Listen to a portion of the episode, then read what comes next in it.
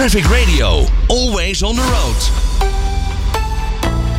Nu er steeds meer ehm, nou ja, mensen elektrisch rijden, is het belangrijk dat er eh, nou ja, genoeg elektriciteit op het net beschikbaar is. Ja, toch barst hij nu al uit zijn voegen volgens netbeheerder Stedin. En daarom pleiten zij ervoor om laadpalen tussen 4 uur s middags en 9 uur s avonds een soort af te sluiten.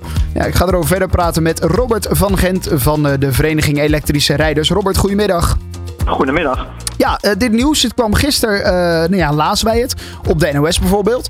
Uh, ja, zorgde toch bij ons op de redactie wel weer voor nou ja, de nodige discussie over de elektrische auto. Ja, begrijpelijk. Ja. wij waren eerlijk gezegd ook wel verbaasd over dit bericht. Ja, want het kwam voor jullie dus ook als een verrassing, zouden we kunnen zeggen. Ja, kijk, het is natuurlijk wel bekend dat uh, het laden van de auto's tot een uh, flinke piek op het net kan leiden. En dat er op diverse plekken netcongestie is. maar de oplossing die steden nu voorstelden, die, dat is wat ons betreft geen goede acceptabele oplossing. Hm. Ja, zij zijn natuurlijk wel de netbeheerder. Zij kunnen weten hoe vol en hoe druk het is op dat net. Ja, nou, dat is, uh, netcongestie is wel een bekend probleem, uh, maar dat is altijd tijdelijk en ook op bepaalde plekken. Dus ja. rigoureus te zeggen van, ja, we gaan ze gewoon altijd uitschakelen tussen 4 en 9. Uh, dat is wat ons betreft geen sociaal-menselijke oplossing en technisch ook niet een goede oplossing. We denken dat dat slimmer kan. Ja, zij stellen dat openbare laadpalen, dus niet de laadpaal die bij jou thuis bijvoorbeeld voor de deur staat, die gewoon op je eigen oprit staat, maar de openbare laadpalen, dat die tussen 4 uur s middags en 9 uur s avonds nou ja, een soort uit moeten of misschien wel dat je er, nou ja, dat, dat hij minder energie krijgt. Hè, dus de minder stroom. Dus dat je minder snel oplaadt. Uh, zodat er ook nog genoeg andere, uh, nou ja, uh, elektriciteit en stroom naar de huizen kan.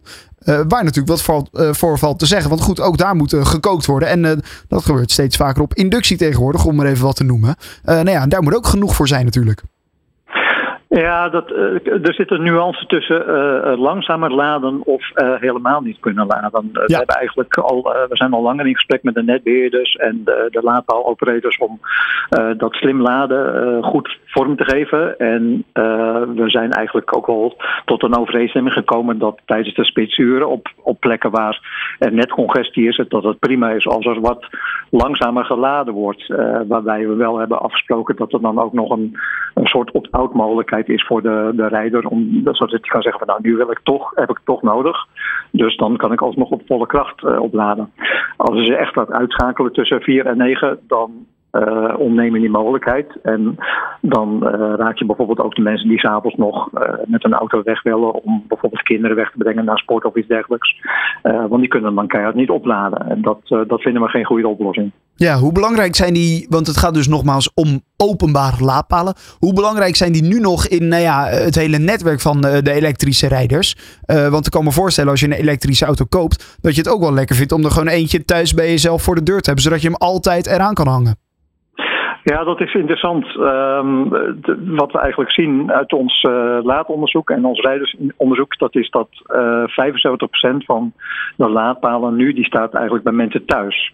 Dus het grootste gedeelte van de, de kilowatturen die mensen gebruiken om te rijden, die worden thuis geladen. Uh, dit plan gaat helemaal niet over de laadpalen thuis, het gaat alleen over de publieke laadpalen. Dat is dus maar een deel van, uh, van alle laadpalen. En de, de, de laadpalen thuis zouden hier niet door geraakt worden dat is ook wel een beetje vreemd in het plan. Mm, ja, aan de ene kant wel. Aan de andere kant kan je natuurlijk ook zeggen... ja, eh, wat je thuis doet op je eigen erf... ja, daar kunnen we weinig over zeggen als steden zijn, toch? Nou, ze hebben eigenlijk ook niks te zeggen over de publieke laadpalen. Oh. Ook dat zijn kleinverbruikersaansluitingen. Ja een netbeheerder die heeft eigenlijk uh, als primaire taak om uh, een netwerk te onderhouden en uh, uit te bouwen. en die heeft niets te zeggen over wat er achter een kleinverbruikersaansluiting plaatsvindt. Vandaar dat we nu ook het plan wat we hebben gemaakt, dat dat eigenlijk op basis is van vrijwilligheid, vrijwillige afspraken tussen de gebruiksverenigingen, de netbeheerders en de, de laadpaalbeheerders. Zijn ze dan te voorbarig met hun conclusie? Uh, wij waren in ieder geval verbaasd over uh, deze uitspraak. Ja, het, is natuurlijk wel een, nou ja, iets wat niet nieuw is. Hè? Dat het net vol is en dat het overbelast is. Hoe moeten we dat nou in de toekomst gaan zien als er nog meer mensen elektrisch moeten gaan rijden? Dit probleem is ook niet van vandaag op morgen opgelost. Want dan was het nou ja, een jaar geleden misschien al wel gedaan. Toen er ook al werd gesproken over netcongestie. Hoe moeten we dat nou in de toekomst gaan zien over, ik noem maar wat, drie, vier, vijf jaar? Nou, we denken dat er op korte termijn heel veel op te lossen is met gewoon prijsprikkels. we zien in ons laadonderzoek dat uh, mensen daar heel gevoelig voor zijn. Bijvoorbeeld uh, op plekken waar er een dag- en nachttarief is, dus een goedkoop nachttarief, dan zien we echt dat mensen zelf uh, vrijwillig eigenlijk al het laden uitstellen en pas om 9 uur of 11 uur s avonds beginnen. Ja. Dat zouden we eigenlijk op die publieke laadpalen ook kunnen doen, door het gewoon wat duurder te maken tijdens die spitsuren. dat heeft waarschijnlijk al heel veel effect. en dan kunnen we op basis van vrijwilligheid al heel veel oplossen.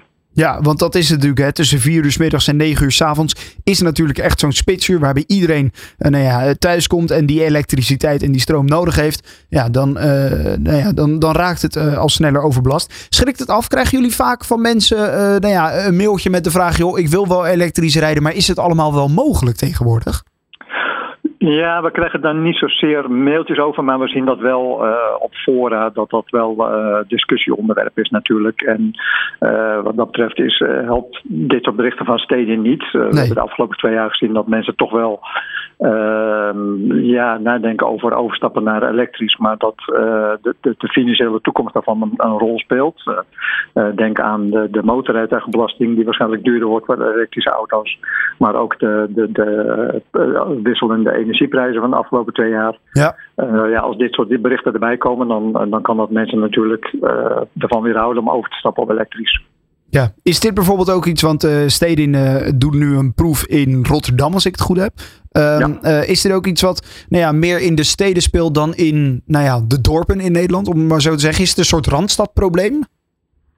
Uh, dat zou ik niet precies per se weten. Uh, de congestie is wel een lokaal probleem altijd. Uh, dus het kan op de ene plek meer spelen dan op een andere plek. Het, op, op, zeg maar, buiten de steden, daar ehm, laden mensen vaak meer aan huis. Daar hebben mensen meer een, een, een, een eigen oprijlaan of een ja. eigen garage en dergelijke. Dus hebben meer een privé laadpaal in plaats van een publieke laadpaal. Waar ze op moeten, waar ze van afhankelijk zijn. Uh, het zou best goed kunnen dat, dat datzelfde probleem daar ook gaat spelen. Ja, Oké. Nou ja, waar ik een be beetje mee begon was zeg maar nou ja, de, de, de discussie bij ons op de redactie van nou ja, hè, 2030, 2035 moeten we allemaal elektrisch gaan rijden. Mogen er geen uh, benzine, dieselauto's meer verkocht worden in de Europese Unie? Zijn we er klaar voor tegen die tijd? Gaat dit probleem opgelost worden? Kunnen we nu al in die glazen bol kijken? Of is dat zelfs voor jullie als Vereniging Elektrische Rijders ook nog heel lastig om dat te zeggen? Nou, nee, we denken dat dit. Uh, kijk, dit zijn misschien groeipijnen in het elektriciteitsnet. Maar het is belangrijk dat we beseffen dat er uh, één heel veel flexibiliteit zit in het opladen van die auto. Uh, dus dat we sowieso dat al meer kunnen spreiden dan wat we nu doen.